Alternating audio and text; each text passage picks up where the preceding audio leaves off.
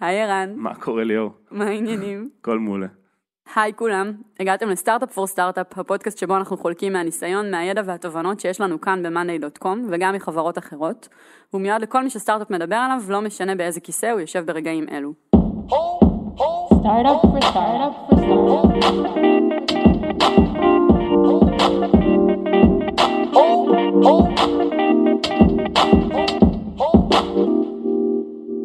אז ביום חמישי שעבר, שזה בדיוק שבוע מהיום, נשלחה הודעה בתפוצה לכל החברה על ידי אחד המעצבים הוותיקים שלנו, אה, ובה הוא מספר על פיצ'ר חדש שיצא, שעלה לאוויר בגרסה פנימית שלנו.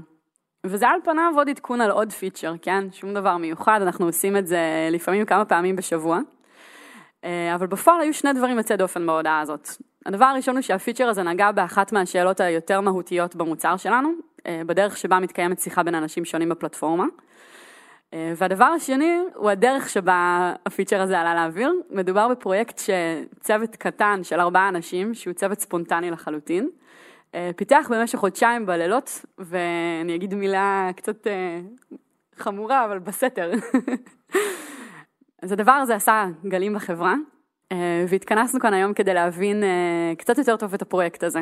מה עמד מאחורי ההחלטה להקריב לילות לטובת פרויקט צידי, איך בכלל הגענו למצב הזה, האם זה טוב, האם זה רע, אה, מה אפשר לעשות אחרת. אה, ולטובת העניין, כמובן שכאן איתנו היום שניים מתוך ארבעת האנשים שפיתחו את הפיצ'ר הזה. יבגני קזינץ, שהוא מעצב בחברה כבר למעלה משנתיים, וארנון ניר, שהוא מפתח בחברה למעלה משנתיים. זה היה יבגני והיה ארנון. היי ליאור. אהלן ליאור. כיף שהצטרפתם, אפשר גם להגיד שזה אולי הפרק הכי ספונטני שאנחנו עושים עד היום. אה, באמת זיהינו שיש משהו מעניין לדבר עליו, ותודה שזרמתם ככה. זה הפרק הראשון שאנחנו עושים ארבעה אנשים. נכון, וזה הפרק הראשון שאנחנו עושים ארבעה אנשים, היום הגעתי מוקדם כדי להתקין את המיקרופון הרביעי, אה, אז באמת אה, פרק כבוד. ערן, אז לפני שככה יבגני וארנון ייתנו את הגרסה שלהם לסיפור, תספר רגע מה, מה קורה אצלך כשאתה רואה שעולה לאוויר פיצ'ר חדש ואתה לא בדיוק חלק מהרודמפ. אז החוויה שלי הייתה כזאת, ארנון ביום שני, שבוע שעבר, שלח לי הודעה בערב, אה, תשמע, אני צריך להראות לך ולרועי משהו מחר. אוקיי, מה, תן לי קצת פרטים? לא, בואו נשב מחר, נתפוס אתכם כמה דקות. זה כבר היה נשמע מסתורי. ואז אה, במהלך היום, ביום שלישי, הוא שלח לי שוב הודעה, אתם יכולים לבוא כמה דקות? אוקיי, משהו פה נשמע מוזר.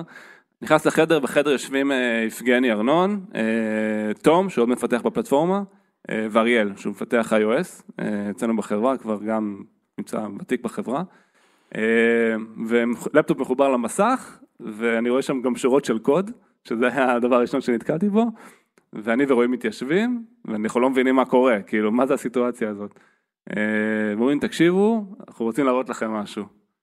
ואז הם פותחים את מאנדיי, אצלנו בגרסה המקומית, ומראים לנו מערכת שיחה חדשה, שלמה, שהם בנו מאפס, עובדת, מתופעלת, כאילו ממש מוצר שלם.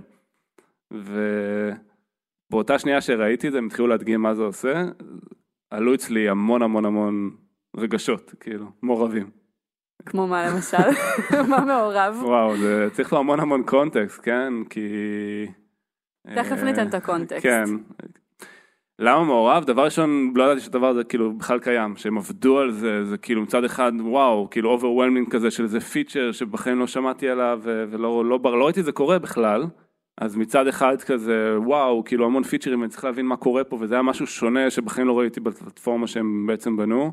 מצד שני כזה, רגע, מה זה, מתי הם עבדו על זה, כאילו על חשבון מה זה, כל המחשבות האלה האינטואיטיביות שבאות, למה הם עשו את זה ככה, למה לא שאלו אף אחד. לא יודע, המון המון רגשות. אה, נתחבר לזה אחר כך, כי אני אתן עוד קונטקסט, אבל באותו רגע זה מה ש... אז כמו שאומרים, נחזור אליך, ערן. כן.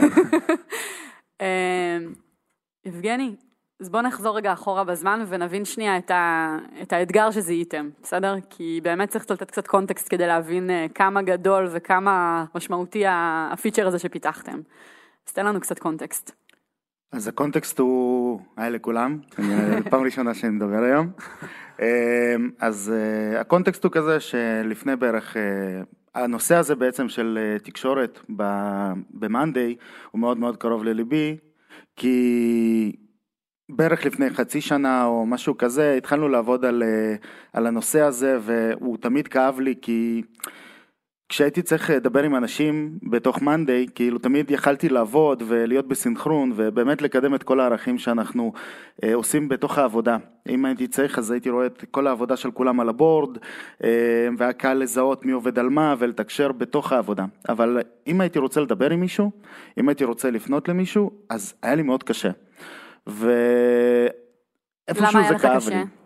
למה היה לי קשה? כי התקשורת זה קצת, צריך לתת לזה קצת background על המערכת שלנו. התקשורת שלנו שיש לנו בתוך מאנדי, בעצם יש משימה, וכשאתה נכנס לתוך המשימה יש לך מין פיד כזה שאתה מדבר שם.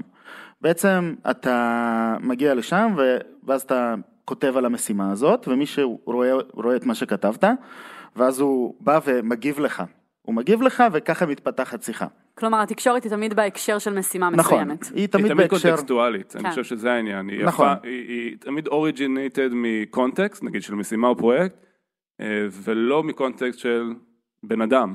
אה, בדיוק, לשם אני בגדול חותר. אני, אז תמיד הפריע לי, כי כאילו, אתה רוצה שנייה, אתה עובד על משהו, אתה רוצה להגיד משהו למישהו שיושב שתי שולחנות ממך, ואז אתה אומר, אוקיי, איך אני הולך אה, להגיד את זה? אוקיי, אני ארשום לו במאנדיי. ואז אתה מתחיל לחשוב בהקשר למה בעצם הדבר הזה שאני רוצה להגיד לו. ואז אתה אומר, וואי, זה פחות מתאים למשימה הזאת, ובאיזה בורד אני אשים את זה? ואז המוח שלך עושה את התעלול המהיר שיש לנו במוח, הוא מוצא את הדרך הכי קלה לעשות את הדבר הזה. שזה לקום מהכיסא וללכת לקום מהכיסא, לבוא. אליו ולהגיד לו בעצם, תעשה את זה ככה, ולחזור לשולחן שלך. וזה מאוד הפריע לי, כי המון זמן אנחנו מנסים אה, לפצח את הדבר הזה, כי העבודה בין אנשים, בהמון מקרים כשאתה עובד בצוות או עם עוד אנשים זה תקשורת טובה. תקשורת מייצרת שקיפות, מייצרת אה, מין ידע שהוא חלוק אה, טוב בין אנשים והם יודעים בעצם לעבוד יותר טוב בסוג של סינרגיה כזאת כשהם עובדים בידיעה לאן שניהם הולכים. אה, וזה משהו שלא היה, אה, וזה כאב לנו. אה, כן, אני חושב שכמו שיבגני אמר, באמת זה היה איזה משהו שהרבה מאוד זמן אצלנו בחברה אה, התקשינו לעשות בינינו לבין עצמנו בתור אנשים שבעצם משתמשים במוצר עצמו, ואנחנו בעצם ביום יום מרגישים איך זה לנהל את הדברים שלנו שם. וכמו שיבגני אמר, כבר אצלנו ועם תהליך הגדילה שלנו ראינו שמפעם שבאמת כולם במרחק נגיעה מאיתנו מסוגלים לתקשר אחד עם השני, לא הרגשנו את הכאב הזה מאוד מאוד אה, באופן רציני. אז uh, פתאום זה הפך להיות עם uh, הגדילה שלנו וכמות האנשים והתפזרנו על פני קומות ופתאום... ויבשות. לה... יבשות, אז uh, פתאום uh, לתקשר אחד עם השני נהיה כבר אתגר מאוד גדול שפעם uh, לא חווינו אותו. והרגשנו שיותר מתמיד, שתמיד היה לנו ברור שאנחנו צריכים איכשהו לקחת את המוצר למקום שיהיה יותר קל לתקשר. אה, היה לנו ברור שעכשיו זה הזמן, אה, כשאנחנו מרגישים את זה ואנחנו בעצמנו חווים את הכאב הזה, ואם נביא איזשהו פתרון, אה, אנחנו נרים את המוצר אה, למקום אחר, לחזית אחרת, ול, ובעצם נאסוף עוד עוד ועוד לקוחות שבעצם יכול המוצר לפנות אליהם ולפתור להם הרבה מאוד מהבעיות. אה, ובאמת התהליך שעשינו זה לייצר משהו ש... שיוכל בעצם להשתלב בתוך מאנדיי ויהווה איזושהי תפנית חדשה בעלילה. ויצ... רגע, ארנון, אנחנו עדיין ממש רחוקים ממה עשיתם בפועל, חכה שנייה. אה, ערן, זה נשמע כמו בעיה מאוד טבעית, זאת אומרת, מאוד מאוד ברורה מאליה. איך זה שזה לא משהו שהוא סופר תפור ברודמפ ל-2019 וברור לכולם מתי אה, פותרים אותו? אוקיי, אז, אז עכשיו אני רוצה לקחת אותנו במנהרת הזמן אה, טיפה אחורה, וזה אני חושב גם מתקשר לכל החיבור הרגשי, החיבור הרגשי שיש לנו לנושא הזה, כי מאנדיי, מה שהיה נקרא The Pulse, לפני שלוש שנים שאנחנו, שאני ורועי התחלנו את החברה, אז המוצר היה תקשורת. זה מה שהוא היה, זאת אומרת, זה המקום שממנו התחלנו. ואחד הקונספטים שבעצם, אה, זאת אומרת, תמיד רצינו לנהל חברה, תמיד רצינו להתחבר לתהליכים, אבל הדרך שבה התמודדנו עם זה בגרסה הראשונה של המוצר, אה, הייתה באמצעות תקשורת. והקונספט מאחורי התקשורת, הכיוון שאנחנו הגענו ממנו זה באמת תקשורת קונטקסטואלית, זאת אומרת, היה לנו את הפולסים, מה שיש לנו היום, שהם היו מצע לתקשורת.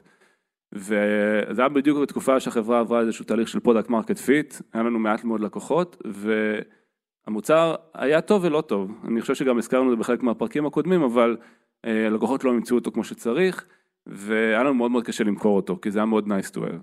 ומה שהחברה עברה מאז, עשינו בעצם אה, מעין פיבוט קטן, אבל הוספנו את השכבה של ה board, את השכבה של הניהול, אבל לא נפטרנו מכל מה שעשינו עם התקשורת, אנחנו בעצם הוספנו את התקשורת מעל השכבה של הניהול, זאת אומרת ה boards נועדו לניהול, ובתוך ה boards היה אפשר לנהל תקשורת בתוך הפולסים, באותו אופן שהיה אפשר אה, לנהל בעבר.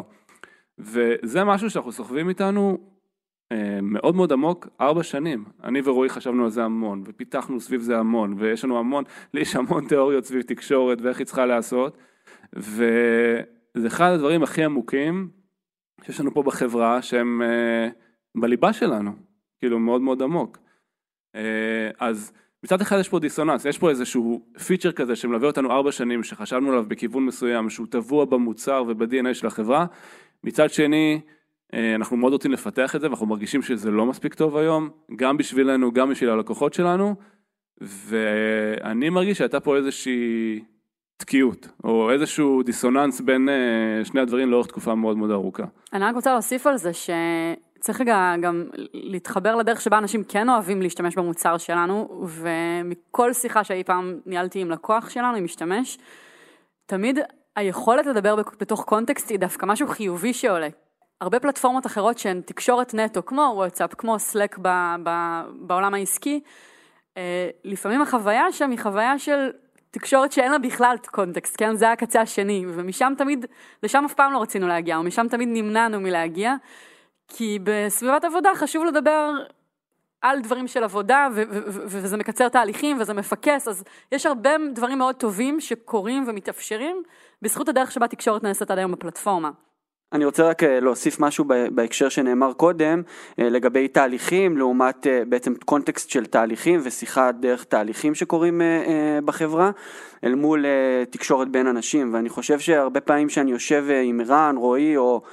כל מישהו אה, אה, בחברה, אנחנו מדברים המון על זה שהחברה רוצה לקחת את זה למקום, בעצם זה הייחוד שלנו, שאנחנו בעצם תחת קורת גג יש לנו בעצם אנשים, ולא רק משימות ותהליכים, ובאמת נוצר בעצם באמת דיסוננס כזה, שמה יותר חשוב, או לאו דווקא מה יותר חשוב, אבל איך אני בעצם משלב את השיחה שלנו לאו דווקא רק על תהליכים. ו... או את מה הכלי משרת, את ואת מה- האנשים או את בדיוק. המשימות. בדיוק, ו... וזה משהו אישית שבער בי, שפתאום אני אומר, אנחנו מאוד מתגאים בזה שזה, יש אנשים סביב הדבר הזה, ולא רק תהליכים, ואיך זה לא מפוצח, איך לא, איך אין לנו דרך בעצם לתקשר בין אנשים, אני שנייה רוצה לדבר עם המעצב, שייתן לי איזשהו דיזיין למשהו, אני צריך או לקום, או לצאת לאיזשהו אה, טול חיצוני שאנחנו משתמשים בו, ו... כי אין לנו מקום לעשות את זה בתוך המוצר שלנו.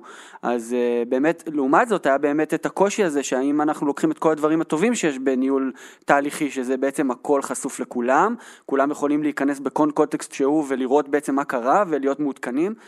זה באמת היה איזה קונפליקט עצמי שלי היה, אבל היה לי ברור שצריך איכשהו לפתור את זה.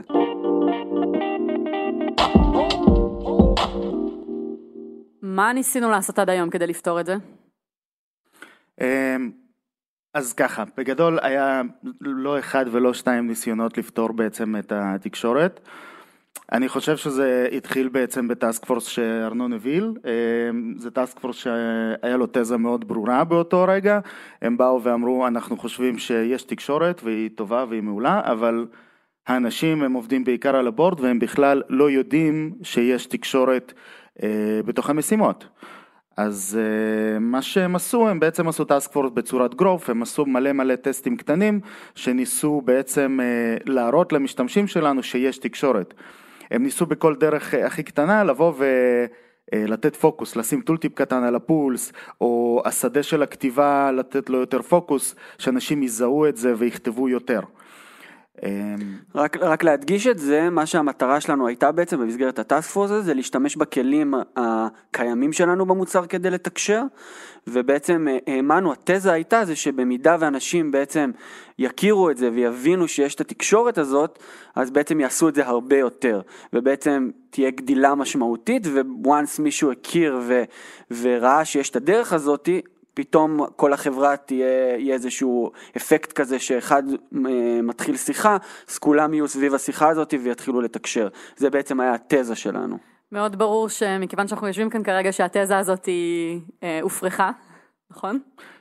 אה, בגדול כן, זה נכון, אבל אה, היה איזשהו עניין שעליו התבססנו בהמשך, גם משהו שלמדנו מה task force הזה, שראינו בנתונים שאקאונטים בעצם שהם אה, אה, משתמשים בתקשורת, יש להם retention הרבה יותר גבוה. בעצם אנשים אה, עם account שמתקשר יותר, הם נכנסים למערכת הרבה יותר, להבדיל מהאקאונטים שלא מתקשרים. כלומר, זה כן חיזק לנו את התזה שתקשורת היא קריטית כדי שאנשים ייהנו מהמוצר, או אנשים נהנים מהמוצר כשהם מתקשרים. בדיוק, מה ש... אני חושב שהמסקנה הייתה שאנשים מכירים את התקשורת אה, והם משתמשים בה אבל לא מספיק ואנחנו צריכים לבוא לקראתם באופן תקשורת אולי אחר. אני, אני אתן את הזווית ראייה שלי על הדבר הזה, אז בעצם, אה, כמו שאמרתי, החברה, נושא של תקשורת מאוד מאוד חשוב לנו. כאילו זה, זה ב vision שלנו, אנחנו רוצים לתקוף את זה כאילו בצורה טובה. וכשעשינו בדיקה, כמו שיבגני אמר, אז ראינו שככל שהיוזרים מתקשרים יותר, הם מקבלים יותר ערך מהמוצר.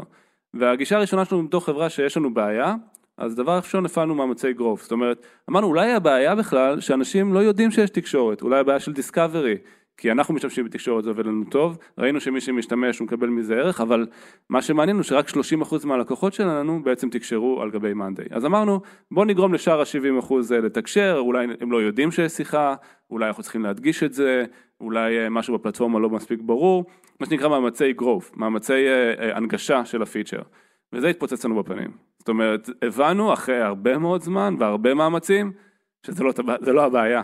כאילו זה בדיוק המצב הזה שאתה מבין, אנשים הבינו, וגם ראינו ש-90% מהיוזרים נחשפים לנושא של התקשורת כן, הם נוגעים בכלים הקיימים, כן, זה לא שהם לא אה, ידעו, מפספסים אותם. הם פשוט לא הבינו את הערך, או היה להם קשה לעשות איזה אדופשן, או לא הבינו את ה... למה בנינו את התקשורת בצורה כזאת.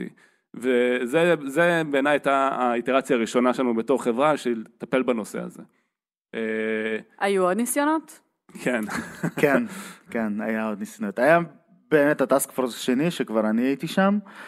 והמסקנה של החברה הייתה שאנחנו לא יכולים לפתור את זה בשביל growth, בצורת growth, ואנחנו צריכים לעשות משהו יותר גדול בשביל לנסות להנגיש את זה לאנשים, אז הלכנו על בעצם אה, שיטת product אה, של 0 ל-1, לנסות להביא משהו חדש לשולחן, שבעצם ינסה לשנות את המצב. וההיפותזה של ה task force הזה הייתה סוג של מסקנה של ה task force הראשון, שזה בעצם שיש לאנשים בעיה של קונטקסט, הם לא יודעים איפה הם צריכים לדבר על המשימה ובגלל שיש לכל משימה את הקונטקסט שלה, בואו ננסה להעלות את הקונטקסט לרמת ה board, נעשה להרחיב בעצם, אותו, כן. להרחיב אותו, שבעצם נוכל לדבר ברמה הרבה יותר גבוהה ואז אנשים לא יצטרכו לחשוב לאיזה בדיוק משימה הם צריכים לשים את זה. ולשם זה התקדם. בעצם אה, מה שעשינו, אני אספר קצת איך אנחנו מתקשרים level ב-Monday פה. בערך לכל board יש סוג של pulse, משימה עליונה שקוראים לה talks, וכשרוצים לדבר על משהו שהוא לא אחד המשימות שמתחתיו, אז אנחנו פשוט הולכים ל pulse של ה talks ומדברים שם על כל דבר שגם לא קשור. ולנו זה עבד.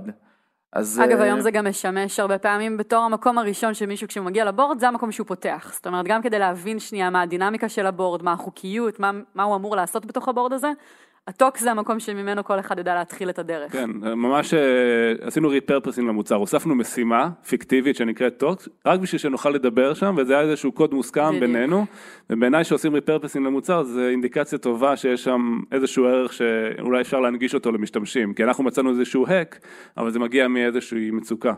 אה, כן, ואז הטאסק פורס הזה התקדם, אה, מה שעשינו בעצם, בנינו סוג של, בכל בורד היה מין אה, מקום שהוא התנהג כמו פולס שנפתח ואפשר לעשות שם אפדייטים ולדבר והוא בעצם לא, לא עבד כמו משימה רגילה. אה, והדבר הזה אחרי טסטים שהרצנו הוא לא באמת שינה משהו, הוא לא הזיז את המחט מספיק בשביל שנגיד אוקיי שם זה בעצם, פתרנו את זה. שם פתרנו את זה. ואני בתוך עצמי כשאני עובד על הטאסק פורס הזה אני לא ישן לילות כבר אז. בעצם אני אומר, זה לא שם, מרגיש לי שחסר כאן משהו, כי אם היה שם, אם, אם זה הייתה הבעיה, אז היינו רואים ישר שינוי, וכנראה שהבעיה היא לא שם. ואז עשיתי המון איטרציות עם מלא חברים שלי שמשתמשים במאנדיי, אה, קראתי דברים שלקוחות שלנו כותבים, ניסיתי להבין בעצם איפה הבסיס. ומה שאני הבנתי בשביל עצמי אז, ש... יש שני סוגי תקשורת במערכת שלנו. יש תקשורת שהיא בעצם אה, סוג של ריפורטינג, שזה מה שקיים אצלנו, זה update כזה שאתה שם בו את הנתונים ואתה שם בו בעצם דברים שקשורים למשימה, כולם רואים את זה, כולם יכולים להגיב לך על הדבר הזה, ויש תקשורת שהיא בעצם מופנה לאנשים, בעצם זו תקשורת שהיא יותר קלילה. היא לא תקשורת הגשתית. כשאני רוצה להגיד משהו לארנון לצורך העניין, אני רוצה לעשות את זה מיד, כי ככה אני רגיל מהחיים הרגילים שלי, אני רוצה לעשות תקשורת עם ארנון, אני מיד אומר לו את הדברים האלה. שזה פחות פורמלי וזה פחות מעובד אולי, נכון? כן, אני- אפילו יותר, המוח, הוא חושב על קודם על הבן אדם, ואז על מה אתה רוצה להגיד. בניגוד לבוא נחשוב באיזה הקשר אני רוצה להגיד את מה שאני רוצה זה להגיד. גם וגם אני חושבת.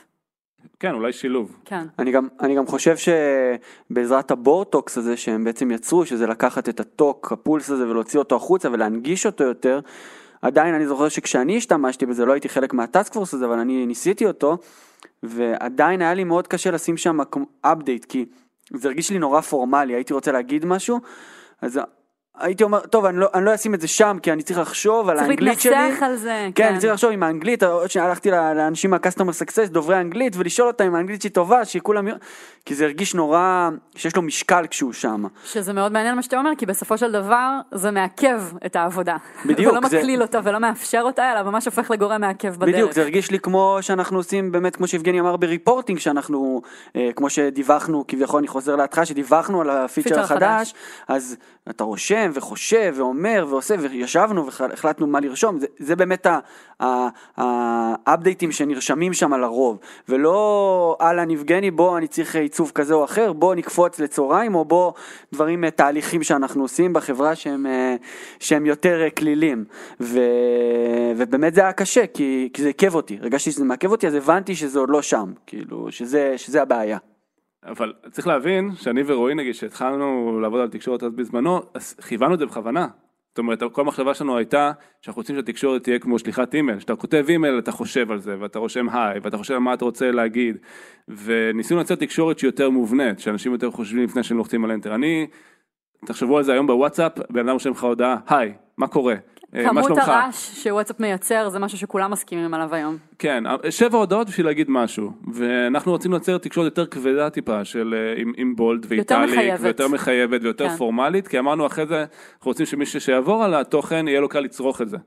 וגם כשמישהו באמת מייצר הודעה, עוד פעם דווקא כן בחזרה לדוגמה של ארנון, הוא כן יצטרך לחשוב פעמיים לפני שהוא שולח הודעה ועכשיו מפריע למישהו אחר בעבודה נכון. שלו לצורך העניין. כנראה ש... שאנחנו מחפשים פה את דרך האמצע, כי... אני חושב שהתהליך הזה הוא מעולה והרבה פעמים הוא משרת אותנו כמו שאמרנו בהתחלה שבאמת כשאתה מעלה לשם איזשהו update ואתה רוצה שאנשים יראו אז, אז באמת יש חשיבות לזה שזה יהיה נוסח טוב ושזה יהיה טוב ושיבינו בדיוק מה כתוב ולמה זה שמה ולא סתם להפריע כי זה גם מופיע אצלנו באינבוקס וכולם יכולים לראות ולעקוב אחרי הדברים אבל הרבה מאוד פעמים אני לא זה לא מה שאני מחפש ובאמת זה מה שעשינו כביכול אנסנו את, ה, את הפיצ'ר הזה אה, להיות משהו שהוא לא. ו... זה במקרה הטוב, במקרה הרע פשוט יצאנו מהפלטפורמה. בוא כן. נגיד את זה כמו כל אה, סטארט-אפ, אתם יודעים, אה, כש... סטארט-אפים מגיעים למשקיעים, השאלה הראשונה שהם שואלים באיזה סיטואציה אתם הופכים להיות אוף פלטפורם. אז אצלנו יש case study מאוד ברור למתי אנשים עוזבים את הפלטפורמה, ולפעמים בדברים שדווקא היה נכון אולי, וזאת בעצם התזה שאנחנו בוחנים.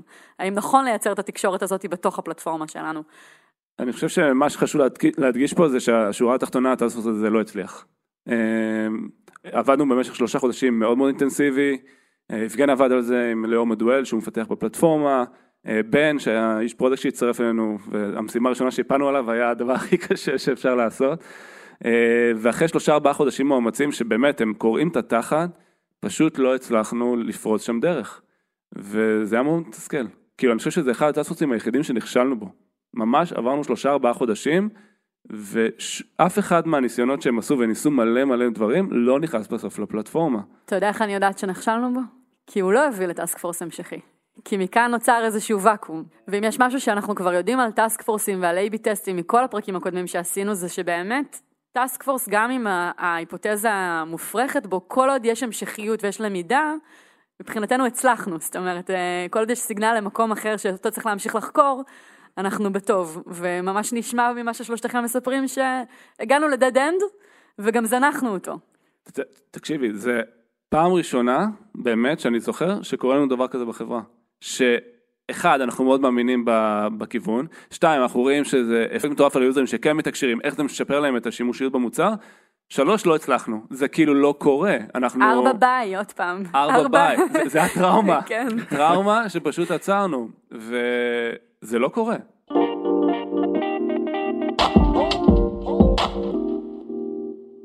יבגני, מה גורם לכם?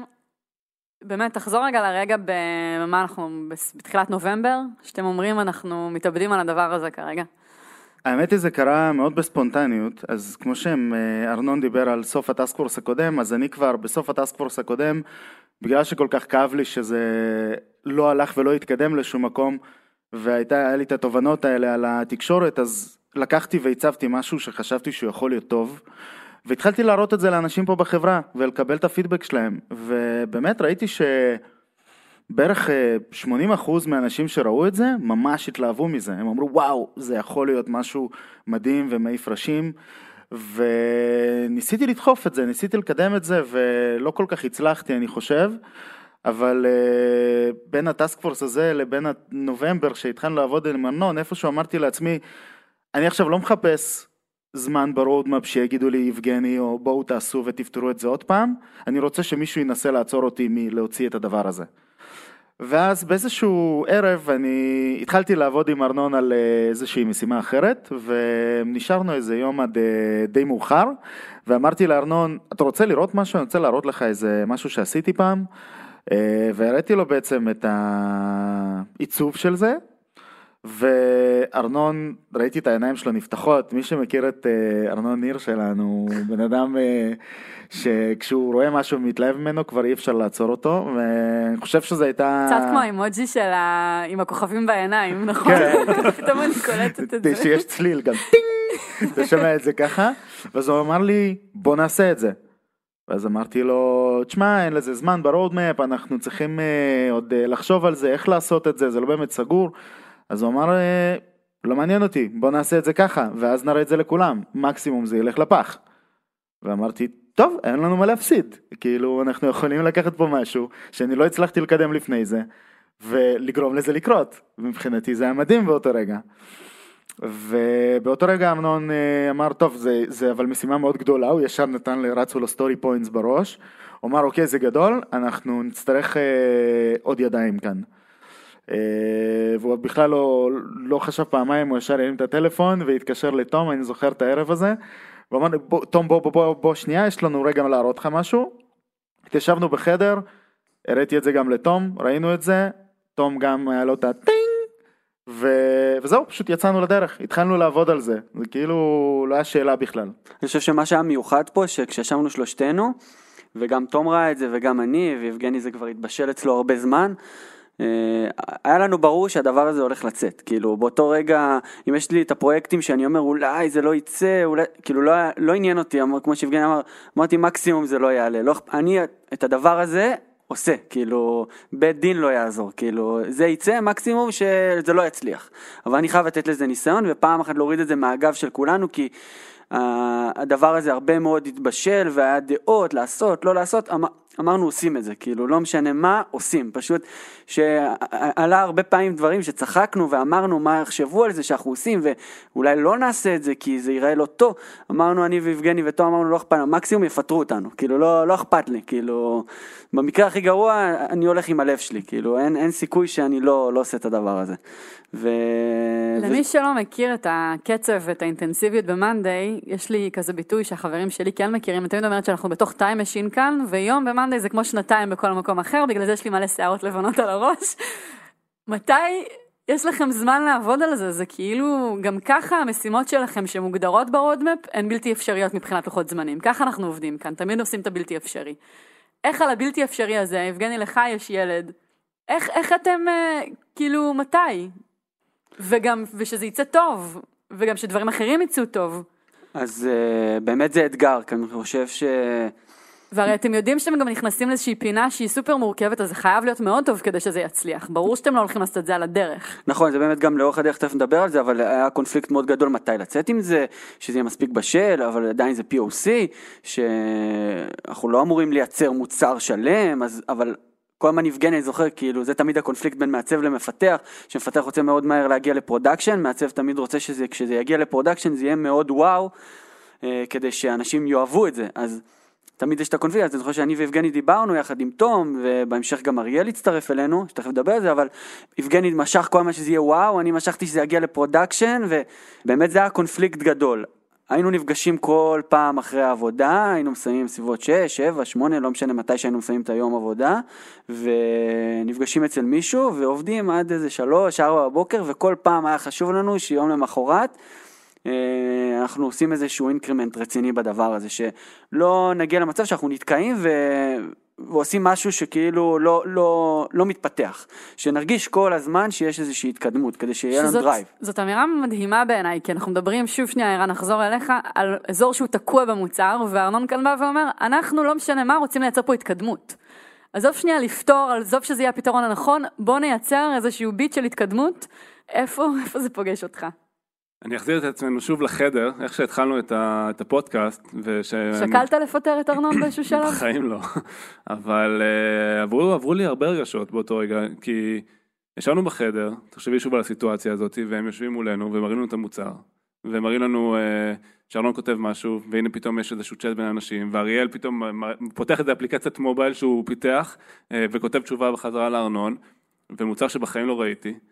ועברו לי כל כך הרבה רגשות באותו רגע בראש, כאילו מצד אחד, לחץ, כאילו ראיתי פתאום משהו שהוא אני לא מכיר, שהוא שונה לחלוטין מכל מה שעשינו עד היום במוצר וכל הגישה שלנו לגבי תקשורת.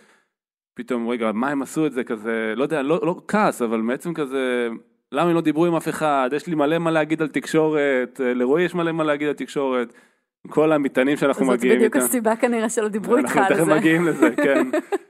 מצד שני הרגשתי גאווה, כאילו הייתי גאה בהם שהם עשו את זה, הייתי גאה בהם ש... שהם כאילו אמרו fuck it, אנחנו, מה שחשוב לנו זה החברה ואנחנו רוצים לדחוף קדימה, הייתי גאה בהם שהם עשו את זה on top על מה ש...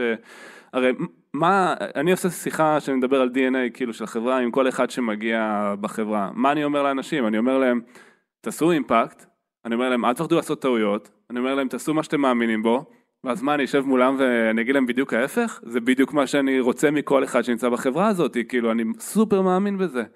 אבל הדיסוננס הזה שעבר לי באותו רגע במוח, אני לא ידעתי איך להגיב, באמת, זה היה כזה סערת רגשות, ובאותו רגע גם הבנתי שאני חלק מהבעיה, כאילו, כי, רגע, הם עושים משהו טוב, הם מאמינים בזה, ואני מחזיק כנראה הרבה מאוד דברים uh, אצלי, ואני והחברה בתור איזושהי בבואה של הדבר הזה, ורועי, והבנתי שיש לי צד מאוד משמעותי ביצירה של הדבר הזה, של הסיטואציה הזאת אה, בתוך הדבר הזה.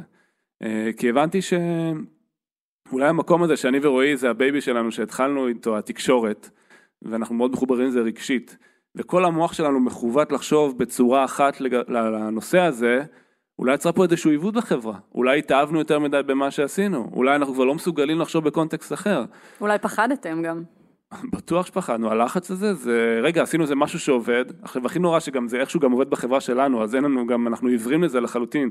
יש יתרון לזה שהמשתמש במוצר שלך וחיסרון, הרבה פעמים זה מייצר איזשהו blind zone כזה שאתה לא רואה את הבעיות שיש במוצר כי אתה משתמש בו, מכניסים אותה לאיזשהו context שקשה מאוד לצאת ממנו, ומה שהם עשו, הם שברו את זה. הם כאילו אמרו, אוקיי, כל מה שעשיתם עד עכשיו לפח, כאילו לא בקטע שלילי, בוא נחשוב על זה לגמרי אחרת, לגמרי אחרת, כאילו אני בכלל, לא משנה איזה increment הייתי עושה על מה שעשינו בעבר, לא הייתי מגיע לדבר הזה, אולי ב increment האלף. הם אמרו בוא, בוא נתחיל מאזור אחר לגמרי של, ה, של המקום הזה. אה, זה לא היה פשוט. אני חושב גם זה שלא סיפרנו לאורך הדרך, ואני חייב לציין לטובה את תום, שכאילו כל הזמן החזיק אותנו, כי אני כזה, ככל שזה מתקדם, אתה רוצה לספר, להראות, וכבר נהיה מוצר, אתה מתלהב, יש הודעה מפה לכאן, אתה רוצה, אתה רוצה להראות את זה, כאילו, שאנשים ירגישו, ככה אנחנו במאנדי, הכל שקוף, כולם מי שעובד, אתה יכול להביע דעה, להגיד מה אתה חושב, וזה נשאר אצלנו בבטן, וכאילו, אף אחד לא, אף אחד לא מרגיש את זה. אז אני ויבגנו לפעמים רצינו להוציא את זה, להראות, אולי נראה, אולי גם לעוד בן אדם נראה, נקבל דעה. תום כל הזמן החזיק אותנו, לא, לא, לא, אל, אל, אל, אל תראו, ואני חושב שזה היה דבר מאוד מאוד חשוב, כי זה שלא הראינו, ובאמת בגלל כל החששות במקרה הזה, אני חושב שיוביל לזה שזה יקרה. ואני יודע שיש עם זה חוסר הסכמה קצת מכל מיני אנשים, כי זה באמת לא התהליך שלנו, אבל במקרה הספציפי הזה, בגלל שצ'אט זה מילה גסה פה במאנדיי, וזה עולה כל הזמן ויורד ועולה ויורד, וכולם מדברים על צ'אט, אבל לא עושים צ'אט. היה לנו איזשהו off uh, site שישבנו כל החברה, וכל מילה, משפט שני מכניסים צ'אט, אבל עדיין מורידים את זה. כן. תקשורת, כן, איזושהי תקשורת, אני קורא לזה צ'אט, כי uh, בזמן האחרון יש הרבה הייפ סביב צ'אט אצלנו, אבל לאו דווקא זה חייב לבוא בתצורה של צ'אט, אבל איזושהי תקשורת בין אנשים. ובעיניי אה, זה שלא, שעשיתם את זה כאילו בסתר, אפשר לזה לקרות. נכון. כי מה שאני עכשיו מסתכל, אני מסתכל על זה בצורה לגמרי כנה, אם הייתם מראים לנו את זה לאורך הדרך, עם המוקאפים או משהו חצי עובד, התגובה הראשונה שלי הייתה, רגע רגע חכו שנייה בוא נעשה את זה מסודר, בוא נדבר על זה, אבל פתאום לראות את זה עובד, ואני חושב שזה מה שניסיתם לייצר פה, זה שינה לגמרי את החשיבה, כי כשאתה רואה את זה בתוך המוצר, ואתה רואה את זה עובד, ואתה רואה אנשים משתמשים בזה, לי זה שינה את הפרספקטיבה לגמרי. יבגני, איזה אבל מחירים בכל זאת אולי שילמתם על זה שעשיתם את זה בסתר? אמ, איזה מחירים? אה, תראי, היום הזה שערן מספר אה, מהצד שלו, הוא היה גם אה, סערת רגשות מצידנו, כי זה שעשינו את זה בסתר, זה כאילו יצר את הדבר הזה להיות ה baby שלנו. ואז כאילו זה היה באמת ה unveiling הזה, והאמת היה לנו המון דיונים על איך אנחנו מציגים את זה לחברה. זה התחיל מזה, כי פתאום כש... עם כמות הפיתוח והסתר, גם באה ההתלהבות שלנו תמיד עלתה, עלתה, עלתה, ואז הגיע היום שאנחנו קבענו לעצמנו שאנחנו מעלים את הדבר הזה, ואז אמרנו, רגע, איך אנחנו מעלים את זה? מה עושים עכשיו? אוקיי, יש לנו את זה. אמ, ואז התחלנו לדבר, והגיע הרגע הזה שאמרנו בואו נעשה לזה אנביל, ואמרנו, זה פחות טוב, כאילו, כי אוקיי, ידענו מה היו ההשלכות של זה, ידענו מה זה יכול לייצר. וברגע ש... ברגע אחד אמרנו מה שנעשה פשוט נפתח את זה יום אחד ונשלח בתוך זה הודעה לכל החברה. ואז באמת אה, מה שציפינו שייתנו לנו פטישים על הראש, שיבואו, יבואו, ידברו איתנו אה, ואיפשהו השתפנו עדיין לעשות את זה. אז אה, באמת כינסנו את הישיבה הזאת וראינו את זה קודם כל לערן ולרועי ורצינו לקבל מהם את הפידבק שזה לא יהיה כזאת מכה. מה שכן אני חושב שהיינו יכולים לעשות יותר טוב זה אולי בזמן שאנחנו עובדים על זה, גם בסתר, זה להעלות את הנושא הזה בחברה אה, בשיחות מוסגרות עם אנשים אחרים, בשביל להבין מהם כל מיני נקודות, ואולי כבר אה, לקחת את הנקודות האלה וכן להטמיע אותם בפנים. אנחנו עשינו את זה על עיוור רק על מה שאנחנו מאמינים, בלי להתחשב בכל מיני דברים אחרים. אני חושב שזה היה מאוד מחזק אותנו כי המון נקודות לא התייחסנו אליהן, איך הדבר הזה יכול להיכנס אסטרטגית לחברה, לטווח הארוך, שאם היינו מתחשבים בזה בתהליך והיינו מראים את זה בשלב שכאילו חשבנו על זה כבר, אז אולי זה עוזר לנו גם בהצגה של זה בסוף. לקבל עוד דעות זה דבר שאנחנו מאוד מאוד אוהבים פה במסגרת טאסק פורס ואנחנו יושבים עם המון המון אה, אנשים, אנשי מפתח אני אקרא לזה, לאו דווקא אה, שמובילים צוותים או דברים כאלו מבחינה ניהולית, אלא שמפתח שהם אה, נוגעים ביום יום בדברים מסוימים. שרק עוד פעם, כדי להבין איך זה עובד במאנדייז, אנשי המפתח יכולים להיות בגדול כל אחד מה-170 שעובדים בחברה. לגמרי, זה יכול להיות, עניין. יכול להיות מכל, מכל כל צוות, ראש שהוא, מכל... זה יכול להיות כל אחד מאיתנו, פשוט אם הוא נוגע בנקודה שחשובה ל task force כדי לקבל איזשהו מידע נוסף, שקשה לו לקבל מעצמו. אז, אז בעצם מה שאני חולק על זה שזה פשוט היה יוצר אצלנו, בגלל שגם עבדנו על זה בסתר באיזשהו מקום ולא עשינו את התהליך הרגיל, אז זה היה מביא אותנו לבלבול. ציינתי את זה מקודם שהיה חשוב לעשות increment כל יום, זה לא סתם, לא סתם אני חופר על זה ולא סתם אני אומר את זה, כי היה לזה מאוד פוטנציאל ל, ל, בעצם להיעלם לאורך הדרך, כי אנחנו לא מראים לאף אחד, אנחנו מקבלים פידבק, אז אם לא היינו יוצרים increment ועושים אותו ומאוד חדורי מטרה, אז זה היה נאבד לדעתי, זה היה פשוט נעצר כי הוא לא עולה ולא היינו יודעים, אז היה חשוב לנו להבין מה המטרה. גם אם היא לא הכי נכונה, גם אם אחרי זה נצטרך לקחת את הקוד הזה ולשנות אותו, וגם אם את המוצר לשנות אותו, הבסיס היה ברור לנו מה הוא צריך להיות, ובגלל זה החלטנו שאנחנו מתאבדים על זה, ולא משנה מה, זה מה שאנחנו עושים. אז מה בעיניך המחירים ששילמתם על הדרך שבה פעלתם? אה, היו כל מיני מחירים, קודם כל זה באמת במסגרת הרגילה אה, היינו מקבלים יותר דעות ואולי המוצר היה יוצא יותר טוב, אז באמת אה, דבר נוסף שזה עשה בחיי היום יום, שהיינו די פוקוס על זה, וכמו שיבגני ציין, אנחנו במסגרת task force כרגע, task force אחר, שהוא עוסק ב layout של המערכת, והוא טאסק פורס גדול בפני עצמו עם מלא מורכבויות, ובגלל שעבדנו עד מאוחר, אז היינו קמים בבוקר, אמנם באמת זה היה on top of הדברים, אבל אי אפשר להתעלם מזה שזה תכלס פגע בנו באיזשהו מקום, כי היינו בפוקוס על זה גם, ולאורך, לפעמים היינו מדברים ועושים כזה התכנסויות אה, פה ושם על הדבר הזה במהלך העבודה, אה, כי לא היה לנו... אה, פוגענו באיזשהו ערך בחברה שיש לנו של אה, core first, שאנחנו קודם כל מטפלים במה שאנחנו התחייבנו אליו, ואחר כך אפשר לעשות דברים, אבל לגמרי. האם יש מקום לדברים שהם מעבר לקור בדרך שבה אנחנו עובדים היום? האם הם היו יכולים להגיע לזה באיזושהי דרך אחרת מנקודת המבט שלך? כן, כאילו אין לי ספק שככל שאנחנו גדלים בתור חברה, אז אנחנו צריכים יותר לסדר דברים, יש תהליכים יותר מובנים. אמנם יש המון פלקסיביליות בתוך טאסק פורס, אבל אולי אנשים רוצים לעשות דברים מעבר, אולי הם חושבים שהתעדוף של מה שהגדרנו עכשיו בתור הטאסק פורסים הכי חשובים הוא לא נכון. ואז באמת אני אומר, רגע, אבל אנחנו מתקדמים נורא מהר, יש להם full time job רק לעשות את מה שהם עושים, ואיפה המקום ליצירתיות ולהוסיף עוד דברים. אה, בעיניי זה טוב שיש קצת כאוס, אז אולי מחתרת זאת הדרך היחידה להגיע לזה. לא, אז, אז אני... היו פה טאסק פורסים שנולדו מתוך רעיון של אנשים. אה, דוגמה שירלי שעובדת על task force שנקרא cross board, שהיא הגתה את הרעיון, היא דחפה את זה, היא הכל, פשוט עשתה את זה מסודר. זאת אומרת, היא סנכרנה את שאר האנשים. שירלי ו- מנהלת מוצר אצלנו. שירלי שהיא product manager. כן.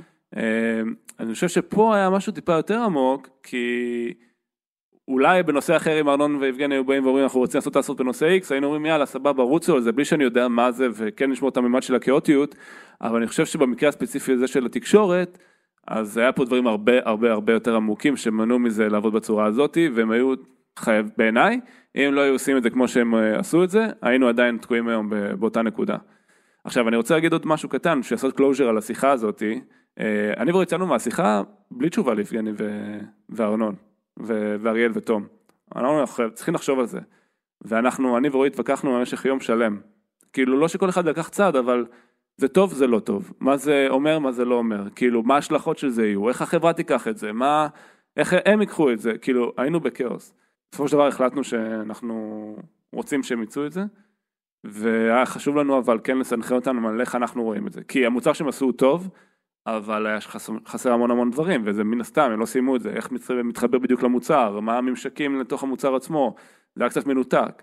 אז היה חשוב לנו כן לתת להם את האג'נדה שלנו לגבי הנושא של התקשורת, וביום חמישי בערב הם שחררו את זה לכל החברה.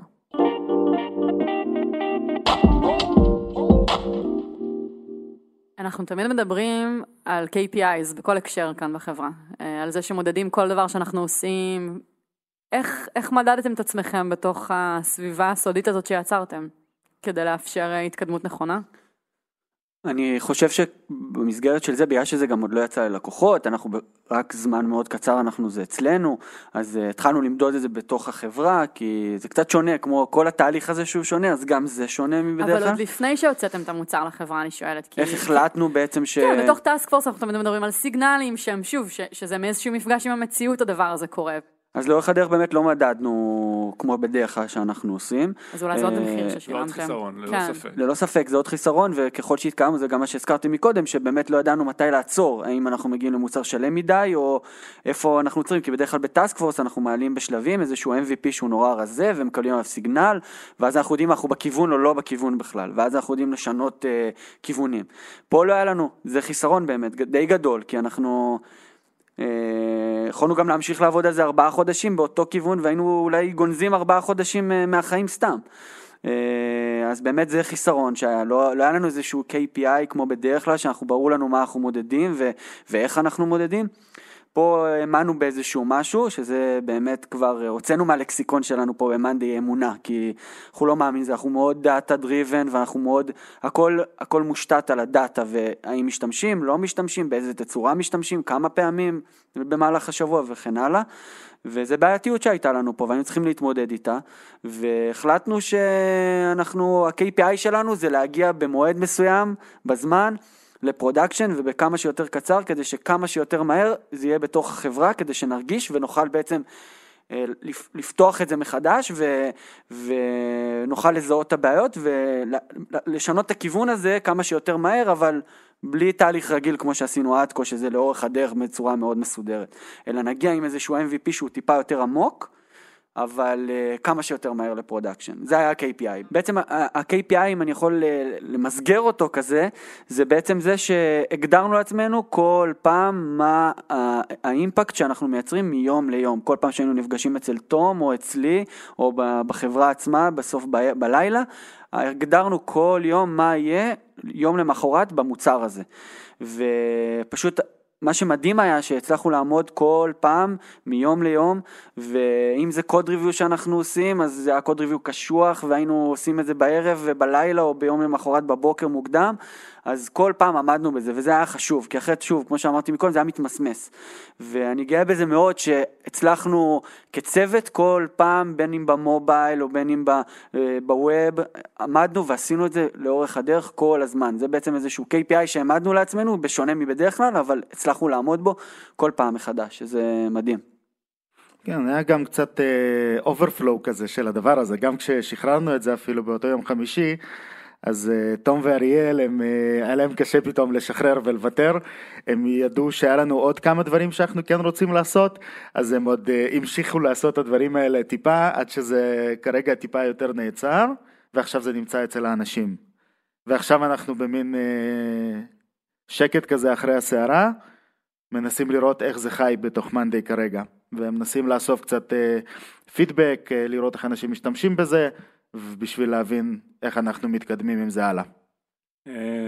אחרי אותו יום חמישי, שהמוצר שוחרר, אז חשבתי על זה המון בסוף שבוע, על, על כל הסיפור הזה, ועל הדברים החיוביים שלו, על הדברים השליליים שלו.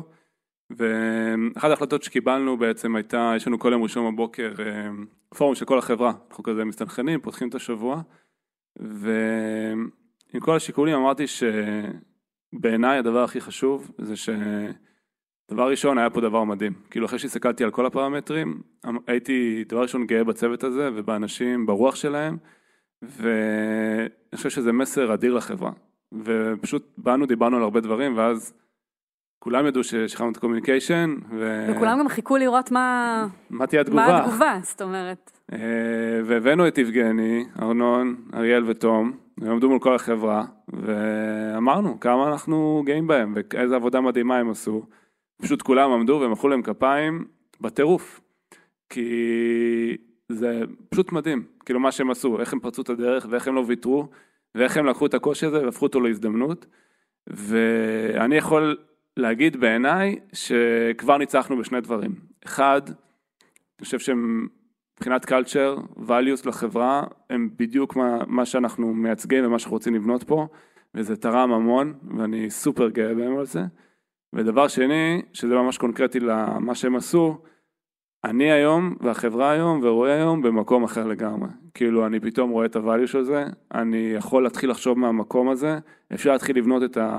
זה לא מושלם, יש שם עוד הרבה מה לעשות, זה עוד לא, אנחנו, צריך להגיד, אנחנו מדברים מתוך זה, אולי בניגוד לדברים אחרים שכאילו פיצחנו אותם, ואנחנו תמיד מדברים עליהם ברטרוספקט, אני לא יודע מה יהיה הגורל של הדבר הזה, כן, going forward, אם זה יתפוס, לא יתפוס, כרגע זה פנימי אצלנו לחברה, אנחנו עוד לא שחררנו את זה לקוחות, אבל אני יכול להגיד משהו אחד בוודאות, לי זה שינה את התפיסה והחשיבה, ואנחנו יכולים לגדול מתוך המקום הזה שהם יצרו, שמכל סיטואציה אחרת לא היינו סוגלים לעשות את זה. אז בעיניי זה ניצחון אדיר בשתי חזיתות כבר. ערן, שאלה אחרונה ככה אליך, כדי שהדבר הזה לא יהיה לחינם, כן צריך לתת לזה עכשיו attention מסוים. זאת אומרת, אמרת בעצמך שזאת רק ההתחלה, ועכשיו צריך, צריך לעשות פה עוד הרבה עבודה. איך, איך גורמים לזה לקרות? מה, מה הוחלט בהקשר הזה? אז אין מה להחליט, אנחנו, הטספורס הזה הולך להמשיך, כי אין ברירה, ואני רוצה שהם ימשיכו. יש לנו עכשיו איזשהו ריליס גדול בעוד שבוע שהם צריכים לסיים, אבל מעבר לזה אנחנו רוצים להמשיך את זה ולתת להם עכשיו את הזמן והאמצעים במסגרת העבודה שלהם. ואני חושב שכל החברה מאחוריהם בשביל לגרום לזה לקרות, אז זה הולך לקרות. ואנחנו הולכים לנצח עם זה, אין לי ספק. יבגני ארנון, אם יש מישהו שמאזין לנו עכשיו ושואל את עצמו איך אפשר לקדם יוזמות בסביבת העבודה שלו, הנה אולי זה שם הפרק שלנו. אם יש לכם טיפ לתת לו, להם, לנו. אמ, כן, אני חושב שאם יש לכם משהו שאתם מאמינים בו באמת, וכאילו כואב לכם שהדבר הזה לא פתור, אתם פשוט תתחילו איכשהו לקדם את זה. לא משנה באיזה כיסא אתם באמת יושבים, אם אתם מעצב, מתכנת, אה, customer success, product, פשוט תתחילו לעשות דברים שיכולים לקדם את זה, לדבר על זה עם אנשים, להציף את הנושא הזה לאנשים. ואולי יהיו עוד אנשים גם שיתחברו אליכם, וכל חברה באמת עובדת שונה, ולא בכל חברה הדבר הזה היה עובד, אבל במידה ויש לכם אפשרות, אז תעשו את זה, כי בסופו של דבר זה כיף מאוד, כאילו גם לעצמך וגם לחברה בסופו של דבר לראות יוזמות כאלה, אה, ופשוט לא לפחד, לא לפחד ולהתחיל לעשות את זה בכל דרך אפשרית שיש לכם. יש לי גם איזשהו טיפ שאני חושב שאני לאורך הדרך לקחתי אותו, שאף פעם לא להסתכל רחוק אה, מה יקרה בעוד שנה מהדבר הזה, אלא כי זה משהו שגורם משתק. לך, משתק, כי אתה, במיוחד בסיטואציה שלנו עם ה communication, שזה משהו שמאוד מורכב לחברה, וברור שכל פעם הסתכלתי טיפה רחוק מדי, אז אמרתי, להסתכל רחוק אה, עם ה vision, כן, אבל זה דבר חיובי, אבל בנוגע לדבר הספציפי, לא לראות איך זה יהיה, ואם יאהבו, לא יאהבו, זה משהו שבאמת משתק. וכל הזמן ניסיתי לעצור את עצמי ולחשוב אה, איך אני מסתכל בעוד יום מעכשיו, עוד יומיים מעכשיו.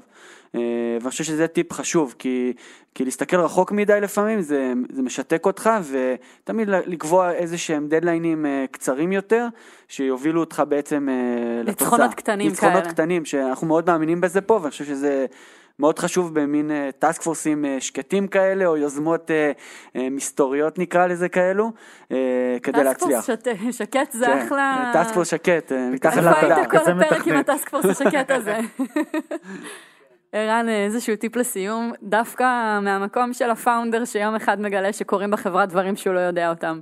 אז אה, זה לא טיפ, זה יותר תובנה מבחינתי. אה, אחד הדברים שמאוד חשוב לנו פה בקלצ'ר בחברה ושאני מאוד מאמין בו הוא לא לייצר ריכוזיות. אה, לייצר כמה שיותר אנשים שעובדים עצמאית, להביא אנשים סופר חכמים שיקדמו דברים ואני מאוד גאה בזה. והטספוס הזה אבל כן אימת אותי עם משהו שאולי כן נמצא מתחת לפני השטח, שאולי יש דברים שעדיין, לא יודע, אני ורועי או מנהלים אחרים פה מחזיקים ואנחנו מקשים בגלל שאנחנו מחזיקים אותם. אמ, ובעיניי התולדה של טספורס זה גם איזשהו קושי שאנחנו יצרנו. אולי היינו יותר מדי דעתנים, אולי החזקנו יותר מדי דברים, אולי היינו יותר מדי דעות מוצקות, וכן, יש עדיין משקל למה שאנחנו אומרים, אין מה לעשות, אני לא יכול להתחמק מזה.